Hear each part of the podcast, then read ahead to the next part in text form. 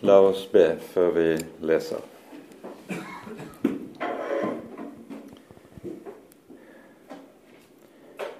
Kjære gode Herre og Hellige Far. Så takker og lover vi deg at vi skal få lov til å komme sammen om ditt hellige ord og i ditt hellige navn. Takk, Herre, at du har lovet å være til stede når vi er samlet i ditt ord og i ditt navn. Og så ber vi, Herre, at du vil sende din ånd og ta deg av oss, at vi kan forstå ordet ditt rett, så ordet ditt også kan få gjøre sin gjerning i våre liv og i våre hjerter. Takk, Herre Jesus, at vi skal få lov til å kalles Guds barn for din skyld. Amen.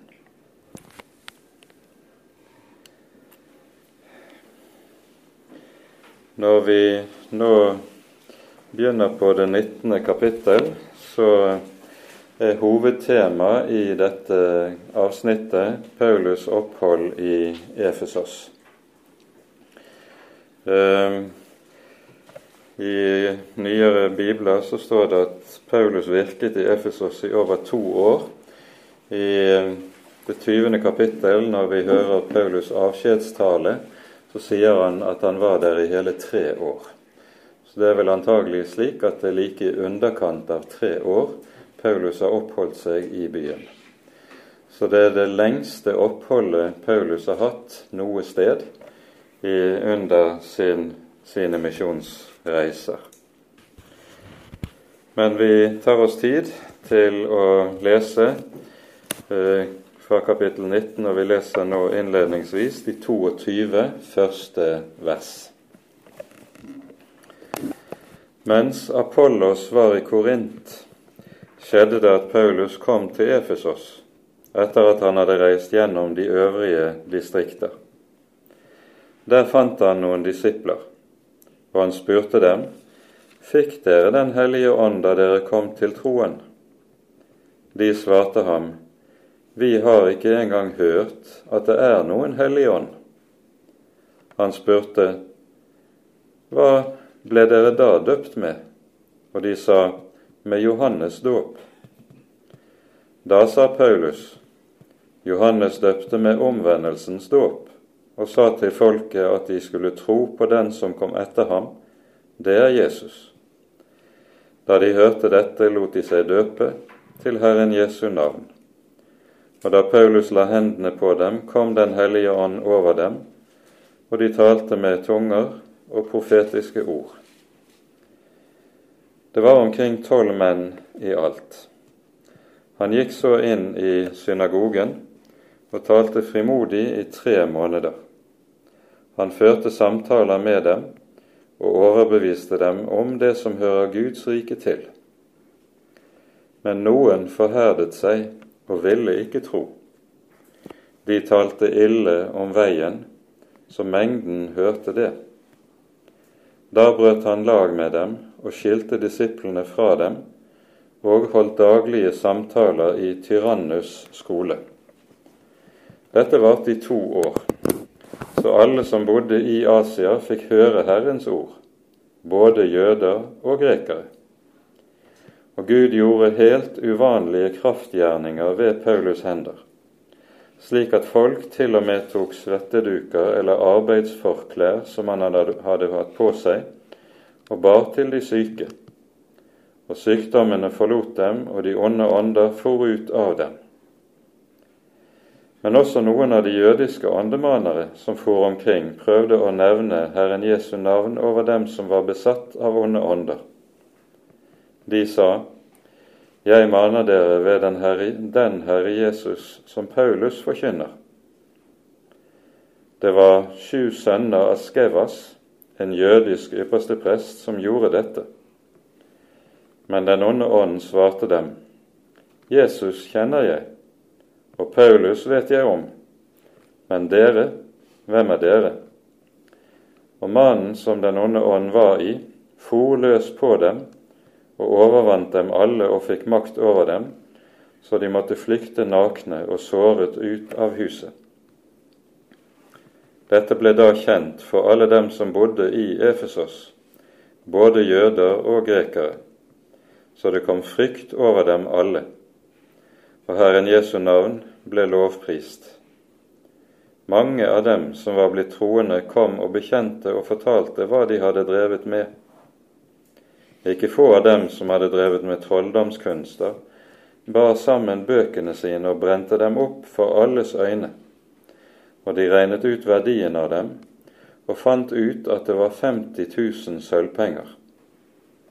Slik hadde Herrens ord stor fremgang og fikk makt. Etter at dette var fullført, bestemte Paulus seg for å reise gjennom Makedonia og Akaya og dra til Jerusalem. Og han sa, Når jeg har vært der, må jeg også se Roma. Han sendte da to av medhjelperne sine, Timotius og Erastus, til Makedonia, og selv ble han enda en tid i Asia. Vi er nå, nå altså inne i Paulus' tredje misjonsreise. Vi hører i foregående kapittel, som vi gikk igjennom sist gang, om avslutningen på den andre misjonsreisen. Og eh, i forbindelse med avslutningen av denne, før han vender tilbake til eh, Antiokia, så hører vi om et kort besøk i Efesos. Eh, han, eh, det sies i kapittel 18 fra vers 19 så kom de til Efesos. Der lot Paulus de andre bli igjen, men gikk selv inn i synagogen og ga seg i samtale med jødene. De ba ham da bli lenger, men han samtykket ikke, men tok i stedet avskjed med dem og sa, om Gud vil, skal jeg komme tilbake til dere. Og så seilte han fra Efesos. Dette er det helt korte som berettes. Eh, Paulus var egentlig bare på gjennomreise på slutten av den andre misjonsreisen. Men nå, på tredje misjonsreisen, så har han gått over land gjennom eh, Lille-Asia, gjennom dagens Tyrkia, besøkt menighetene som der er blitt dannet ved de to forrige misjonsreisene. Og så kommer han til Efesos, som er hovedbyen i, eh, på vestkysten i Tyrkia eh, den gangen eh, ut mot Egeahavet. Den gang var Efesos den fjerde største byen i Romerriket. Det var bare Roma og Alexandria og Antiokia som var større. Antiokia var jo byen der sendemenigheten til Paulus var, men Efesos kom altså på en god fjerdeplass. Og Årsaken var beliggenheten. Den ligger ved enden av den store handelsveien som gikk fra Asia og ut gjennom Lille-Asia, og så var havnen der en hovedhavn for transport av varer videre, ikke minst både til Hellas, men først og fremst til Roma. Så det er denne handel, sammen med det vi hører i slutten av kapittelet, Eh, Artemis-tempelet, som er den store eh, inntektskilden for byen. Og Historikerne sier det bodde ved denne tid rundt 250 til 300 000 mennesker i eh, datidens Efesos. Ruinen etter det gamle Efesos er jo fortsatt relativt godt bevart, så det er et sted som er uhyre interessant å besøke. Og eh, det store teateret som vi hører om senere i kapittelet, det er blitt gravet ut og kan besiktiges dersom man besøker byen i dag.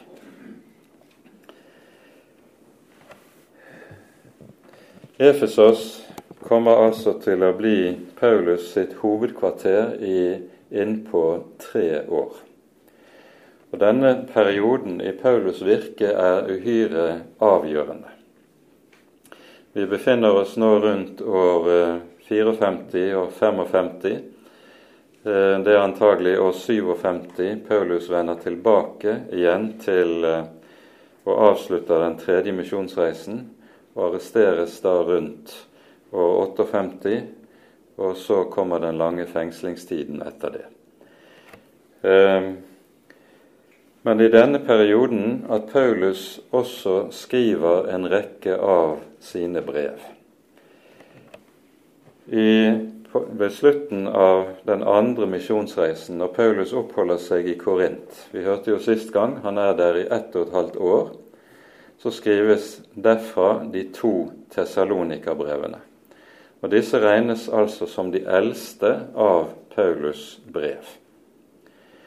Når Paulus kommer til Efesos, så kommer flere av de andre av Paulus' brever til å bli forfattet. Først og fremst første Korinterbrev, og dernest også Galaterbrevet blir sannsynligvis skrevet i denne perioden når Paulus oppholder seg her. Ved slutten av tredje misjonsreise så reiser jo Paulus videre til Makedonia og besøker menighetene som er dannet i Makedonia og i Hellas. Eh, og her, herfra skrives så for det første andre korinterbrev. Det skrives muligens når Paulus oppholder seg i Tessalonika eller i Filippi. Eh, og når Paulus kommer til Korint på slutten av den tredje misjonsreisen, så skrives antagelig romerbrevet herfra. Så dette er en uhyre viktig periode i Paulus' virke. I det vi her ikke bare hører om det som skjer rent ytre historisk i forbindelse med hans virke, men nå er det de viktigste brevene vi finner fra Hans hånd i Det nye testamentet, og altså også blir til. Og Det som gjør det mulig å datere brevene til denne perioden, det er små eh, bemerkninger som står i begynnelsen og i avslutningen av brevene, der vi både hører hilsener med navngivning av de ulike personer, som eh, man kan bl.a. kjenne igjen en del av dem fra apostelgjerningene, pluss, pluss. Så det er et lite puslespill når man skal kartlegge alt dette, men her nevner vi det, det er bare i all korthet at denne perioden i Paulus' virke er altså helt avgjørende også for all senere kirkehistorie i det det er nå Paulus' brever blir til.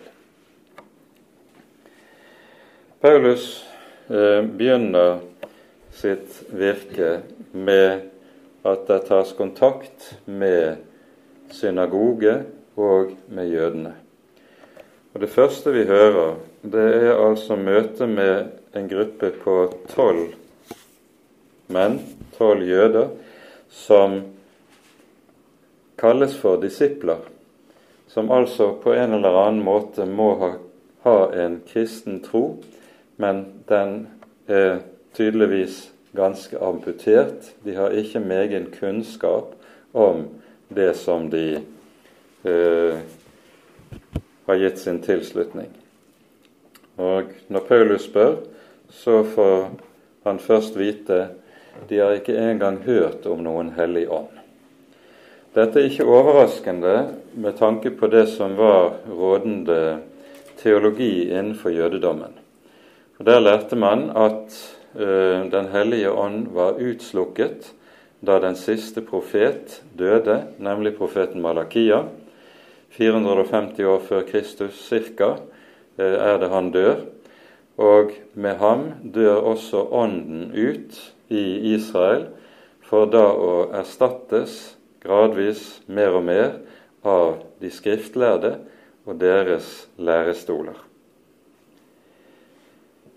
Det som jo er særegent med både døperen Johannes' fremtreden og ikke minst Jesu fremtreden, er at det begynner å gå opp for mange i folket at her har på ny profetiens ånd kommet tilbake, altså i Guds folk. Men eh, disse har altså en, ikke engang hørt at Den hellige ånd er kommet. De har ikke hørt om pinsedagen og begivenheten i forbindelse med det. Og det er tydelig at deres tro på Jesus den eh, skriver seg fra det de har hørt gjennom døperen Johannes, og er dermed altså relativt sterkt begrenset.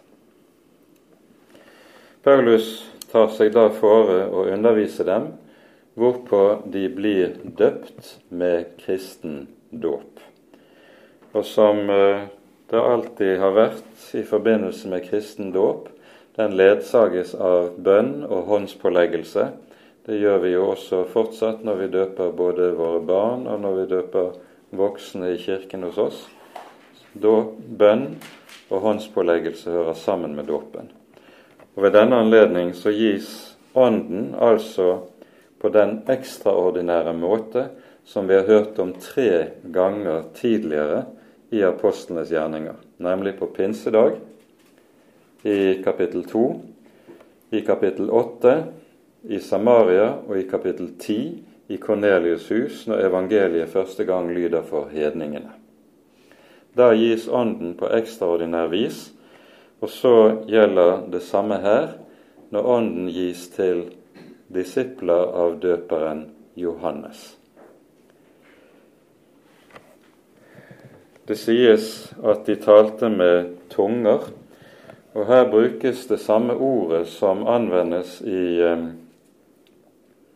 Eh, apostelgjerningene 2, hvilket kan bety at det ikke er snakk om tungetale i den betydning som vi vanligvis hører om det i dag, men det taler om rett og slett at de får, kan tale andre språk, like som apostlene gjør det på pinsedagen. Men det er noe vi ikke kan avgjøre ut fra teksten alene, men det er ikke urimelig at det kan ligge i det så hører vi da at de med dette får Den hellige ånd. For Ånden er alltid knyttet sammen med dåpen. Det er noe som kjennetegner den eh, nytestamentlige tale om kristen dåp. Ånden og dåpen hører uløselig sammen. Det var omkring tolv menn i alt, hører vi det sies her. Og så fortsetter da Paulus sitt virke med å gå inn i synagogen i byen. Det har rimeligvis vært en relativt stor synagoge i Efesos. Og eh, her hører vi at Paulus får anledning til å fortsette virke i synagogen mye lenger enn det som har vært vanlig tidligere i apostelgjerningene. Som regel hører vi at Paulus' budskap om den Herre Jesus blir avvist relativt raskt, ofte bare etter en uke eller to, og så kastes han og de som er kommet til tro, ut av synagogen. Her hører vi at Paulus får anledning til å samtale ut fra Skriftene i hele tre måneder før det blir satt en grense og han vises bort fra synagogen. Vi skal legge merke til uttrykksmåten som står i vers 9. Her står det noen forherdet seg og ville ikke tro. De talte ille om veien. Eh, det er altså tale om offentlig spott. De talte ille om veien, så mengden hørte det. Her møter vi igjen eh, denne betegnelsen for den kristne tro som vi finner et par steder i apostelgjerningene. Den kalles rett og slett for Veien. Og Dette er et uttrykk som har dype røtter i jødisk og i gammeltestamentlig tradisjon. Ehm, I det det taler om det som er Guds vei. Men den kalles også vei, rett og slett veien i bestemt form. Veien, det er Kristi vei. Og når dette brukes av de kristne selv som selvbetegnelse, så er det jo klart at da ligger også forbindelsen til Jesu ord i Johannes 14 under, der Jesus sier 'Jeg er veien, sannheten og livet'. Når reaksjonen på Paulus' forkynnelse fører til at det blir offentlig spott mot evangeliet, fører det til at Paulus skiller lag. Og så oppretter han et eget eh, undervisningspunkt som kaller, vi her hører det er Tyrannuses skole. Det finnes en egen eh, tekstvariant av apostelgjerningene som kalles for den vestlige tekst, som forsyner oss med enkelte detaljopplysninger som ikke ligger i den vanlige eh, hovedvarianten av eh, håndskrifter. Og Her sies det at Paulus underviste eh, fra den femte til den niende time i Tyrannes skole. Dvs. Si fra klokken 11 på formiddagen til klokken 4 på ettermiddagen. Altså i den perioden der folk i disse himmelstrøk har siesta. Altså folk har gått fra arbeidet, har tatt fri på den varmeste tiden på dagen, og nettopp da er det Paulus altså underviser, mens han kanskje før denne tid har drevet sitt teltmakerarbeid fra tidlig morgen frem til klokken blir elleve. Da er det fritid, og fritiden anvendes altså til samtale og forkynnelse av evangeliet. I denne sammenheng kunne vi kanskje peke på det som Paulus sier i avskjedstalen sin i kapittel 20. Her eh, innledes denne avskjedstalen fra eh, vers 18 som følger. Da de var kommet Paulus har sendt bud til eh, menighetslederne, de eldste fra Efesos. De er kommet til Milet, som er en liten havneby ikke så svært langt fra byen. Der møter Paulus dem, og så sier han:" Dere vet hvordan min ferd iblant dere var, hele tiden fra den første dagen jeg kom til Asia. Jeg tjente Herren med all ydmykhet og under tårer og prøvelser som kom over meg ved jødenes onde planer. Jeg holdt ikke tilbake noe av det som kunne være til gagn for dere, men forkynte dere det og lærte dere det offentlig og i husene. Her eh, hører vi Paulus ganske kortfattet sier litt mer, og som vi ikke får høre fra Lukas' fortelling ellers her i apostelgjerningene. Det er tårer, og det er prøvelser. Så det er antagelig slik at det er mange slags vanskeligheter, strev og møye som apostelen har hatt i disse tre årene i Efesos, som Lukas ikke gir oss innsyn i. Det er bare disse antydningene det er snakk om.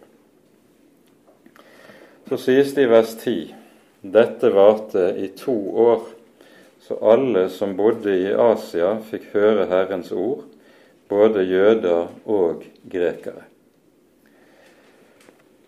Efesos er som storby litt av et sentrum, dit folk kommer fra hele omegnen.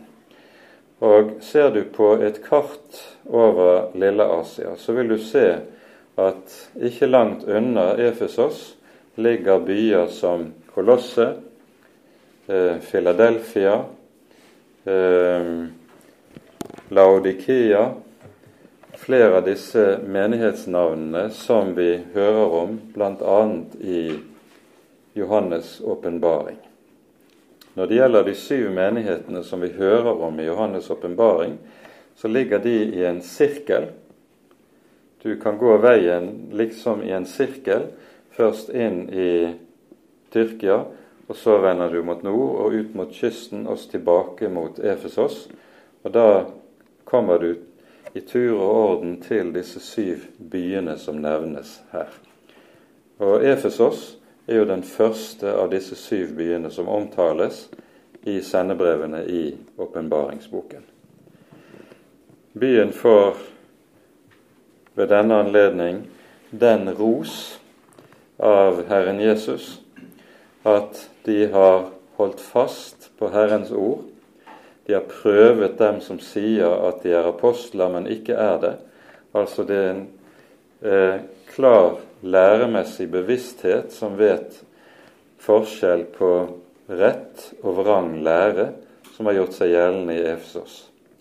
Men så får de samtidig også høre det meget alvorlige, lastende ord fra Herren. Du har glemt din første kjærlighet. Vend derfor om. Hvis det er slik at Johannes' åpenbaring er skrevet rundt år 95, da vil det si en ca. 40 års tid etter at Paulus oppholdt seg i Efesos. Menigheten er blitt etablert som en stor menighet. Vi kunne godt kalle det for en etablert og menighet som har stor betydning for uh, andre kristne menigheter, og samtidig lyder altså dette. Det har skjedd en åndelig forsteining som ikke uten videre er synlig for alle, men Herren ser det og sier du har glemt din første kjærlighet. Alt var i orden i Efesos, og likevel så var det noe grunnleggende som var galt, og som ikke uten videre var synlig for mennesker. Men dette er altså 40 år senere. Det lyder. Så dette som sies her i vers 10, alle som bodde i Asia fikk høre Herrens ord, både jøder og grekere, det er nok eh, noe som ganske godt beskriver den påvirkning som utgikk til omlandet og de omkringliggende byene fra Efesos. I vers 11 og 12 så kommer det så en liten anmerkning Gud gjorde helt uvanlige kraftgjerninger ved Paulus' hender. Det sies altså her i sammenhengen det er noe som er uvanlig. Men i Efesos er det tydelig at dette blir en viktig side ved apostelens virke. Når det sies at det gjøres ved Paulus' hender, så betyr det antagelig at det taler om helbredelser som skjer i forbindelse med håndspåleggelse. Og det sies da i Vestfold slik at folk til og med tok svetteduker eller arbeidsforklær som han hadde hatt på seg og bar til de syke. Og sykdommene forlot dem, og de onde ånder for ut av dem. I apostelgjerningene 5 husker vi at noe lignende fortelles om Peter. Eh, der sies det at folk la sine syke i gaten, og det var slik at bare skyggen av Peter når han gikk forbi, mente de hadde helbredende kraft.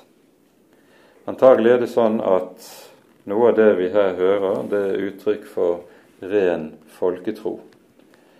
Men det er tydelig at det er en sterk åndsmakt som gjør seg gjeldende, og som også har dette med seg at det fører til legedom og befrielse fra onde ånder.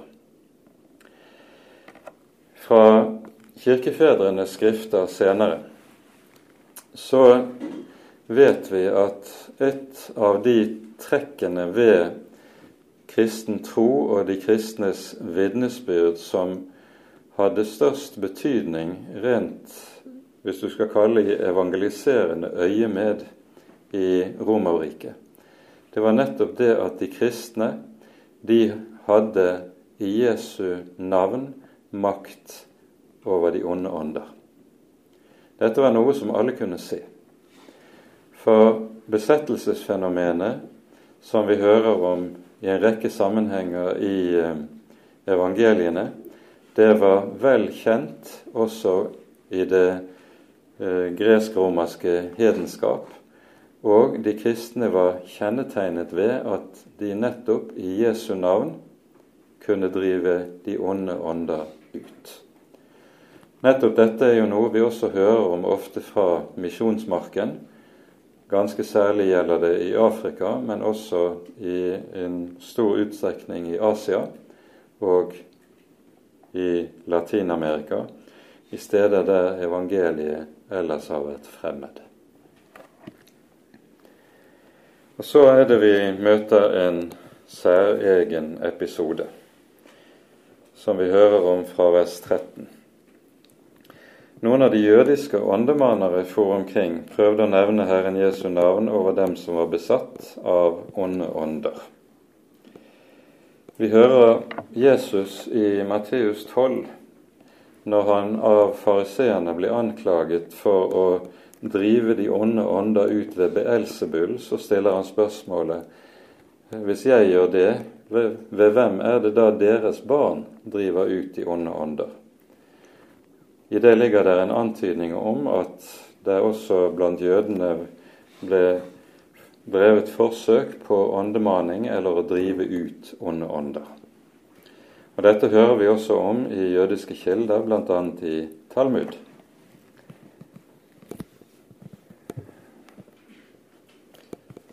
Det som kjennetegner imidlertid det vi hører om den slags innenfor jødedommen og i stor grad også innenfor hedenskapet, er at man prøvde å drive ut onde ånder ved hjelp av ulike typer magi eller trolldom.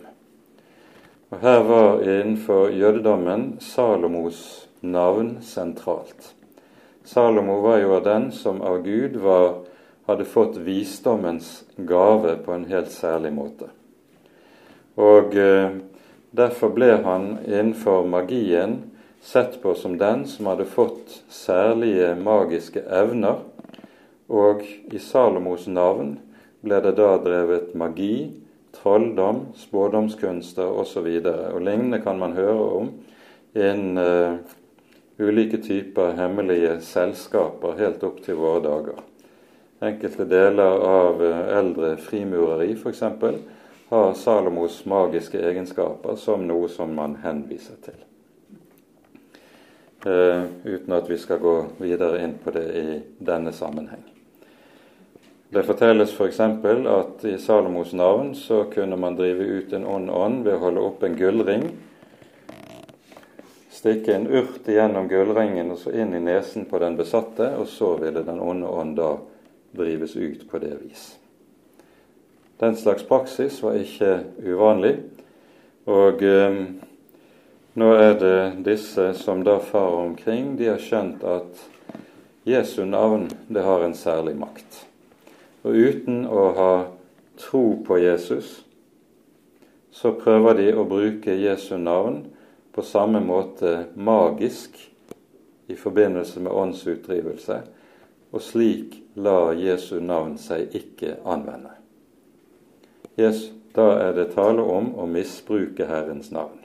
Det er det det rett og slett er tale om. Og vi hører her eh, at dette går dem ille når de forsøker å gjøre det. Det sies at det er syv sønner av Skevas, en jødisk ypperste prest. Denne Skevas aner man ikke hvem er, for navnet finnes overhodet ikke i jødiske kilder. Det er mulig at det her er tale om eh, et gresk navn på en ypperste prest som også da naturlig nok ville hatt et hebraisk navn, men det hebraiske navnet nevnes da ikke, og derfor aner man ikke hvem det er tale om. Så her stiller eh, historikerne eh, med blanke ark og vet ikke hvem det egentlig er sikta til i denne sammenhengen. Så hører vi altså at Den onde ånd lyder ikke den slags magiske formularer. Og eh, i stedet så har Den onde ånd det med seg at den som er besatt, får voldsomme eller overmenneskelige fysiske krefter. Det hører vi jo også om eh, ved en anledning i evangeliene. Og de som har erfaring med den slags fra misjonsmarken, de kan fortelle om lignende ting. Det taler om hvorledes selv spedlemmede og svake mennesker under besettelse kan få noen aldeles overmenneskelige krefter som ikke er lett å forklare naturlig. Den onde ånd farer løs på dem, og eh, de må fare med skam ut. Men dette utløser noe ganske bestemt i, både i Efesos og blant de troende i byen. Vi leser fra vers 17. Dette ble da kjent for alle dem som bodde i Efesos, både jøder og grekere, så det kom frykt over dem alle, og Herren Jesu navn ble lovprist. Mange av dem som var blitt troende, kom og bekjente og fortalte hva de hadde drevet med. Ikke få av dem som hadde drevet med trolldomskunster, bar sammen bøkene sine og brente dem opp for alles øyne og de regnet ut verdien av dem og fant at det var 50 000 sølvpenger. Dette er et voldsomt beløp. En sølvpenge, eller en denar, som det nevnes her, det var dagslønnen for en vanlig dagarbeider. Så det er et svært, svært høyt beløp det taler om. Den slags magiske bøker som det her er tale om, de har alltid vært noe som har Eh, ledsaget eh, magien oppover gjennom historien, og de har ofte vært regnet som meget, meget kostbare. Og De som er kommet til tro på Jesus, de skjønner med bakgrunn i dette som skjer med disse eh, Skevas sønner, at trolldom og magi det er noe som er vesensfremmed for evangeliet og for kristen tro. Og så skjønner de at her må det dras en absolutt grense. I eh, Galaterbrevet i det femte kapittel, når Paulus taler om åndens frukt på den ene side og kjødets gjerninger på den andre side, så nevnes trolldom blant kjødets gjerninger, som det altså listes opp. I Det gamle testamentet finner vi meget sterke og klare advarsler mot og forbud mot alle former for trolldom eller magi. Eh, trolldom eller magi har alltid hatt to formål som har hektet ved seg. Det ene er det å søke å få en makt eller en evne som man ikke kan få eh, av naturlig vei, men få gjennom kontakt mellom åndeverden, gjennom kontakt med onde åndsmakter. Det er det som vanligvis kjenner, kjennetegner magien. Og eh, når man skjeler mellom hvit magi eller svart magi, så er det for så vidt underordnet, for felles for både hvit og svart magi er at begge deler har sitt opphav i kontakt med onde ånder. Og begge deler er altså avgjort forbudt i Skriften. Det andre som man ønsker seg gjennom denne typen kunster, det er å få kunnskap som ellers vil være utilgjengelig av naturlig vei.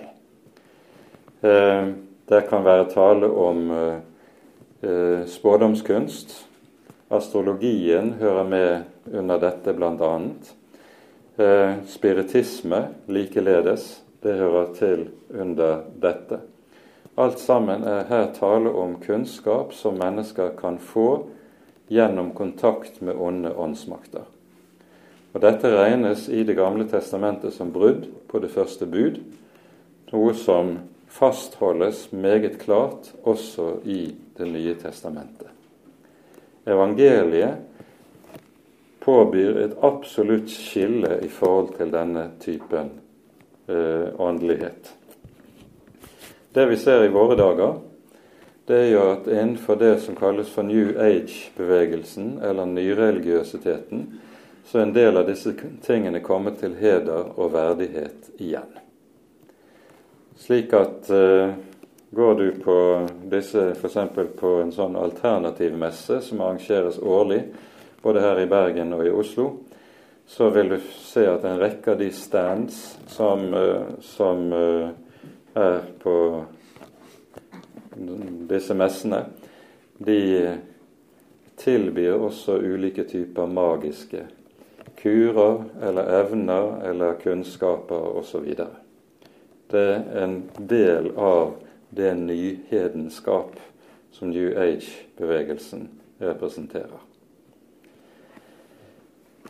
Disse har altså vært i besittelse av bøker som eh, gir dem slike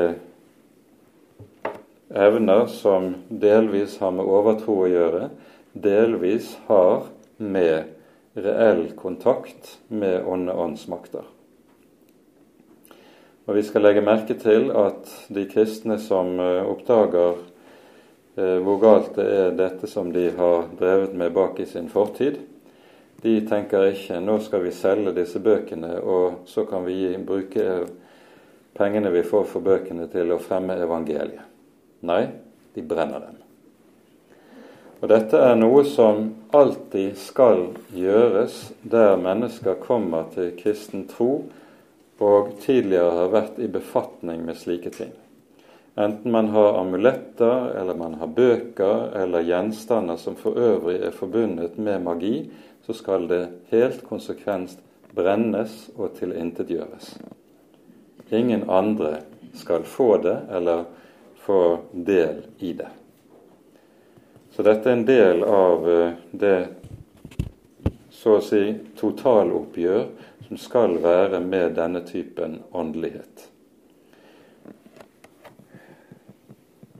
Og så slutter, eller konkluderer da Lukas med å si, som vi hører det i vers 20, slik hadde Herrens ord stor fremgang og fikk makt. Etter at dette var fullført, bestemte Paulus seg så for å reise gjennom Makedonia og Akaya og dra til Jerusalem. Og han sa, når jeg har vært der, må jeg også se Roma. Han sendte da to av medhjelperne sine, Timotius og Erastus, til Makedonia. Selv ble han enda en tid i Asia. Nå hører vi altså at Paulus begynner å se fremover og planlegge sitt videre virke. Først vil han over til Makedonia. Der er det menighetene i Tessalonika og i Filippi ligger, som ble stiftet under den forrige misjonsreisen, og han kan reise videre derfra sydover til Korint, som ligger i Akaya. Det er ved denne tid Paulus opplever de store problemene han får for en periode med menigheten i Korint. Allerede av eh, første korinterbrev forstår vi at eh, korintermenigheten er en problemmenighet. Det ser vi av de temaene som tas opp i første korinterbrev. Eh, uten at vi skal gå videre inn på det, så har det antagelig vært slik at første korinterbrev har ført til reaksjoner i korintermenigheten reaksjoner mot Paulus og mot Paulus' forkynnelse som har gjort forholdet til denne menigheten meget vanskelig. Antagelig er det slik at Paulus, mens han var i Efesos, har hatt ett besøk i Korint. Det er jo direkte seilingsmulighet fra Efesus og over Egeahavet til Korint. Eh, dette besøket omtales ganske kortfattet i andre korinterbrev. Og det har vært et tårebesøk, ut fra det vi hører i andre Korinterbrev. Eh, så Paulus har tydelig hatt stor sorg og vært meget urolig for menigheten i Korint. Når han eh, så reiser til Makedonia, så sender han Timotius bl.a. til Korint med bud, eh, med et brev som eh, er tapt. Det er et Korinterbrev nummer to som Paulus omtaler, men som vi ikke kjenner. Det er ikke bevart for ettertiden og i Det nye testamentet.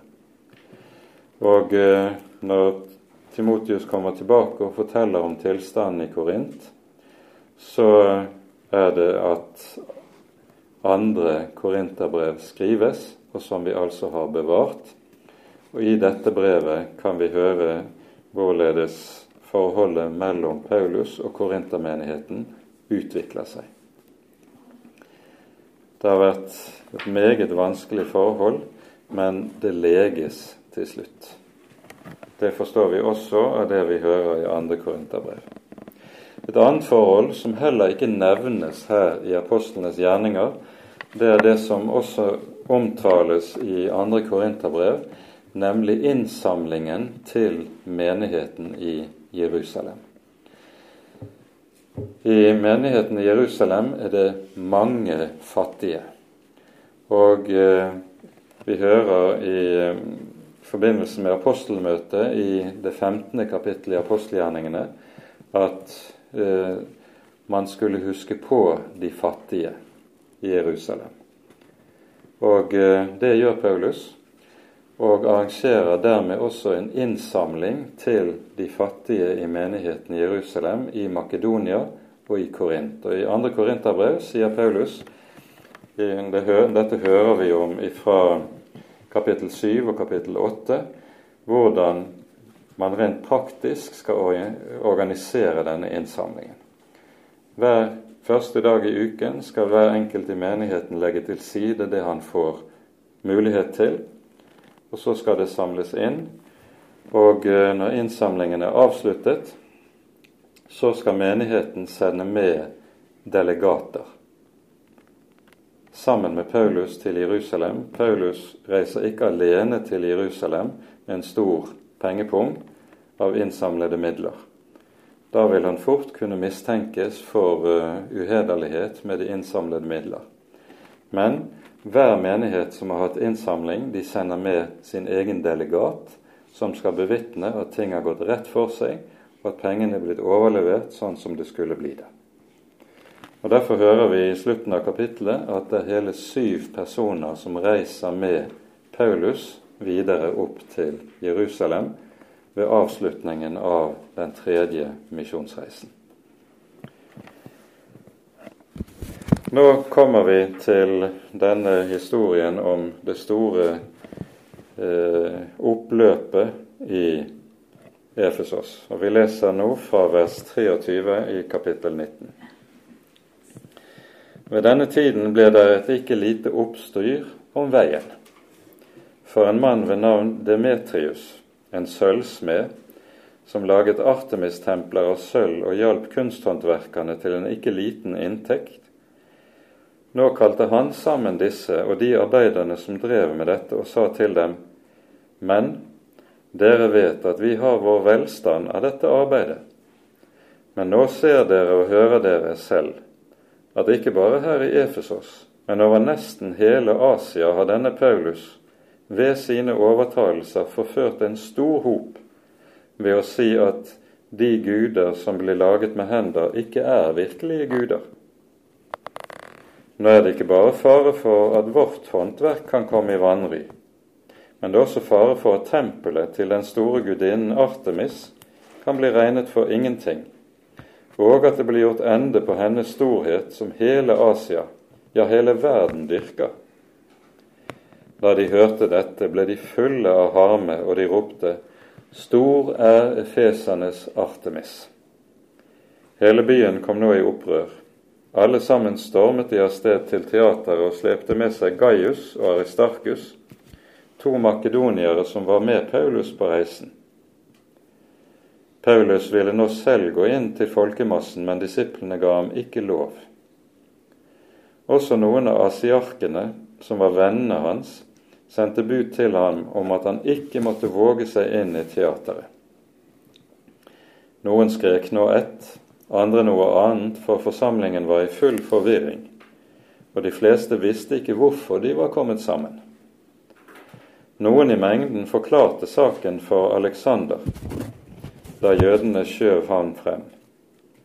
Aleksander ga da tegn med hånden om at han ville holde en forsvarstale til folket. Men da de fikk vite at han var jøde, ble det et enstemmig rop fra dem alle, og de skrek i omkring to timer:" Stor er efesernes Artemis.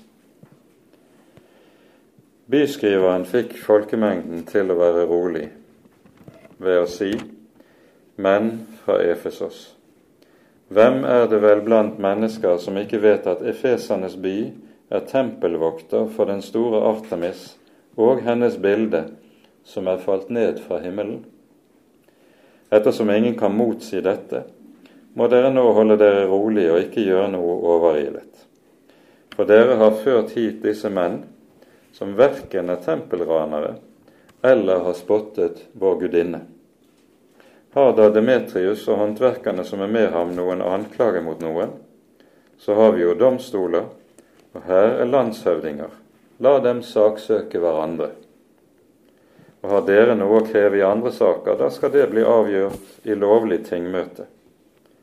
For vi står i fare for å bli satt under tiltale for opprør på grunn av det som har skjedd i dag og vi har ingen grunn å vise til om vi blir krevd til regnskap for dette oppløpet. Ved å tale slik fikk han oppløst forsamlingen. Artemis, som vi hører om her, det var altså en kvinnelig guddom som var hovedguddommen i Efesos. Like utenfor byen, like på nordsiden av byen, lå Artemis-tempelet. Det ble regnet som ett av oldtidens syv underverk. Og det var et bygg uten like. Det, ut fra de målene man kjenner til bygget, så var det nesten dobbelt så stort som Kølnerdomen som vi kjenner i dag. Det er ingen liten bygning. Og søylene var så høye at de i tilsvarer en femetasjes bygning i eh, en moderne by i dag. Det var et gedigent byggverk. Det sies av denne byskriveren som vi hører, at Artemis' bilde var falt ned fra himmelen. Og Her er det historikerne nok har undret seg over hva det siktes til. Noen mener at det muligens kan være tale om en meteoritt, som man i oldtiden mente nettopp var noe som var falt ned fra gudene i himmelen, og derfor ofte ble tilbedt og fikk guddommelig status. Eh, andre, det er også andre forklaringer som eh, lanseres på dette. Men det som i hvert fall var sentrum i det store Artemis-tempelet, var den store Artemis-statuen, som man arkeologisk har funnet mange kopier av rundt omkring i det gamle Romerriket. Det var en kvinnelig guddom som var eh, i avbildningene var tegnet med 20-30 bryster som var åpne, og ble derfor regnet som en gudinne for fruktbarhet. Og eh, hun, dyrkelsen av Artemis og besøkene til Artemis-tempelet var noe av det som bidro i stor grad til eh, Efesos rikdom. Når vi hører om Demetrius, som eh, antagelig en av lederne for sølvsmedlauget, så har byen tydeligvis hatt en stor inntekt av å produsere suvenirer av sølv, som de som kom til for å besøke Artemis-tempelet, kunne kjøpe og ta med seg hjem. Og eh, Det som altså bekymrer dem, det er i første omgang at når så mange venner seg til Jesus og kommer til kristen tro, så fører det til nedgang i handelen og det vil ramme sølvsmedene og de øvrige økonomisk. Det er altså økonomisk motivert. Det er det første vi hører. Deretter appellerer Demetrius til byens lokalpatriotisme. Efesos vil jo miste sin betydning som den sentrale sted det har dersom Paulus skal få fortsette med sin virksomhet og overtale folk. Og For det tredje så appellerer Demetrius også til det vi kunne kalle for religiøs fanatisme, og så blir det et oppløp som beskrives her.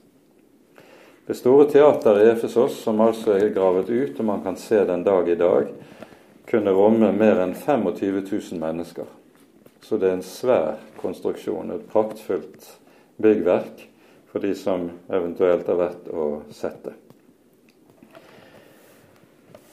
Og eh, folkemengden er i stor forvirring. Vi hører at det er en jøde ved navn Alexander som vil frem og tale.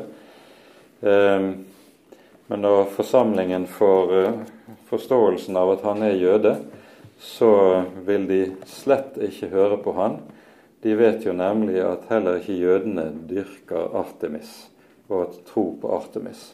Så det bare provoserer Eh, oppløpet ytterligere når han vil tale.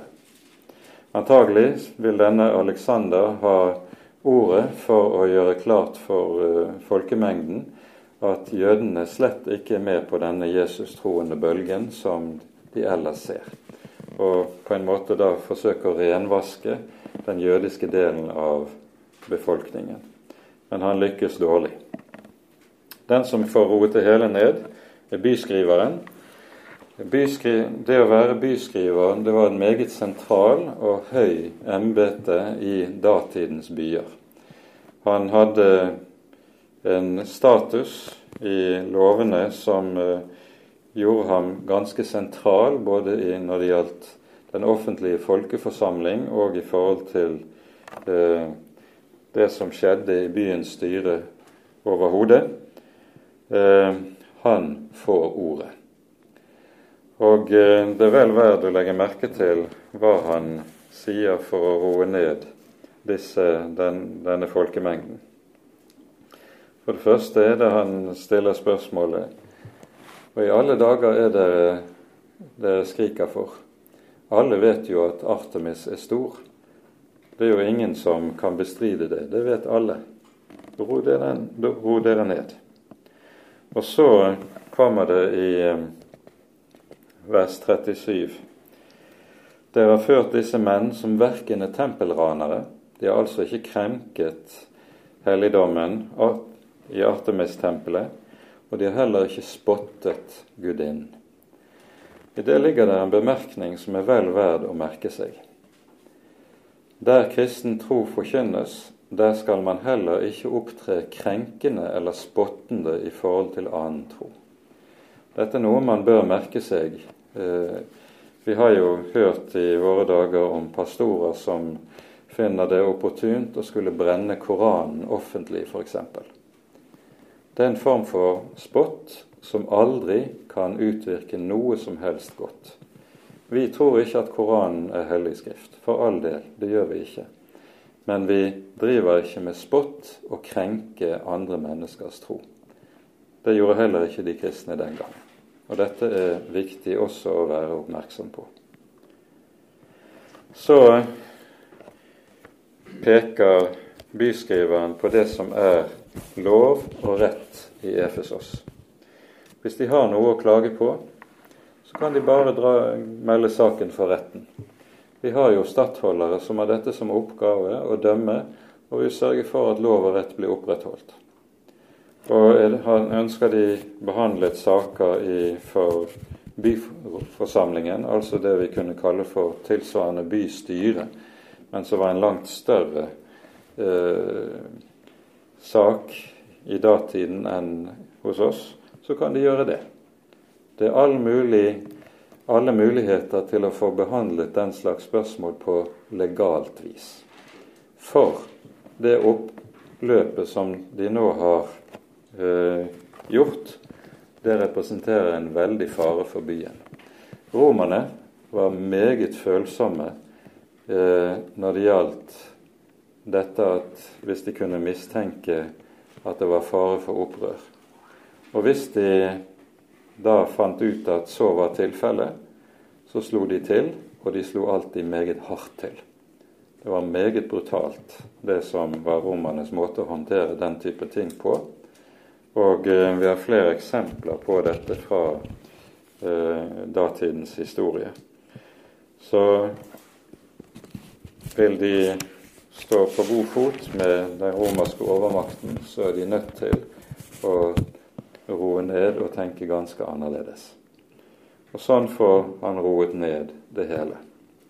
Hele forsamlingen vender hjem, antagelig nokså slukøret, um, og det hele roer seg. Det er mulig at det vi her hører om, oppløpet og oppstanden i byen, er det Paulus refererer til i det første kapittelet i andre Korinterbrev. Vi skal ta oss tid til å lese dette avslutningsvis før vi setter punktum.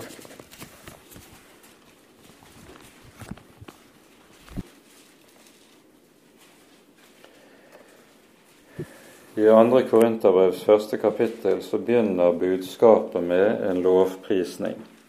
I vers 3 og 4.: Lovet være Gud, vår Herre Jesu Kristi Far barmhjertighetens far og all trøsts Gud, Han som trøster oss i all vår trengsel, for at vi skal kunne trøste dem som er i all slags trengsel, med den trøst vi selv blir trøstet med av Gud. Dette er en bærende tanke i denne delen av 2. Korinterbrev. Og Så gjør vi et lite hopp til vers 8. Her skriver Paulus for vi vil ikke, brødre, at dere skal være uvitende om den trengsel vi måtte gjennomgå i Asia. Efesos var jo nettopp et hovedsete i provinsen Asia. Den var over all måte tung, tyngre enn vi var i stand til å bære, så vi til og med tvilte på at livet sto til å redde. Vi regnes oss alt som dødsdømte for at vi ikke skulle stole på oss selv, men på Gud, Han som reiser opp de døde. Han fridde oss og frir oss fra så svær en dødsfare, og vi har det håp til ham at han også heretter vil fri oss. Også dere må komme oss til hjelp med bønn, slik at det fra manges munn kan lyde rikelig takk for oss for den nåde som er oss gitt. Paulus hadde tidligere ved flere anledninger opplevd hvorledes mobben kunne opptre. Han var steinet, mishandlet, pisket ved flere ulike anledninger. og Han forteller om dette mer utfyllende i slutten av andre Korinterbrev. Og det oppløpet som var i Efesos ved denne anledning, har nok betydd en meget alvorlig fare for Paulus dersom det hadde fått utvikle seg videre, både for Paulus selv, for menigheten og for hans venner. Og Det er ikke usannsynlig at det dette altså Paulus har i tanke. Og så skriver altså Paulus i vers 9.: Vi regnet oss altså som dødsdømte for at vi ikke skulle stole på oss selv men på Han som reiser opp de døde. Det er noe å tenke på i møte med meget av det som vi også i dag står overfor. Ikke minst når det gjelder de av våre troende venner som lider forfølgelse for Jesu navns skyld. Men det har vi ikke tid til å tale mer om ved denne anledning. Men dette setter vi punktum for kveldens bibeltime. Ære være Faderen og Sønnen og Den hellige ånd, som var og er og være skal, en sann Gud, høylovet i evighet. Amen.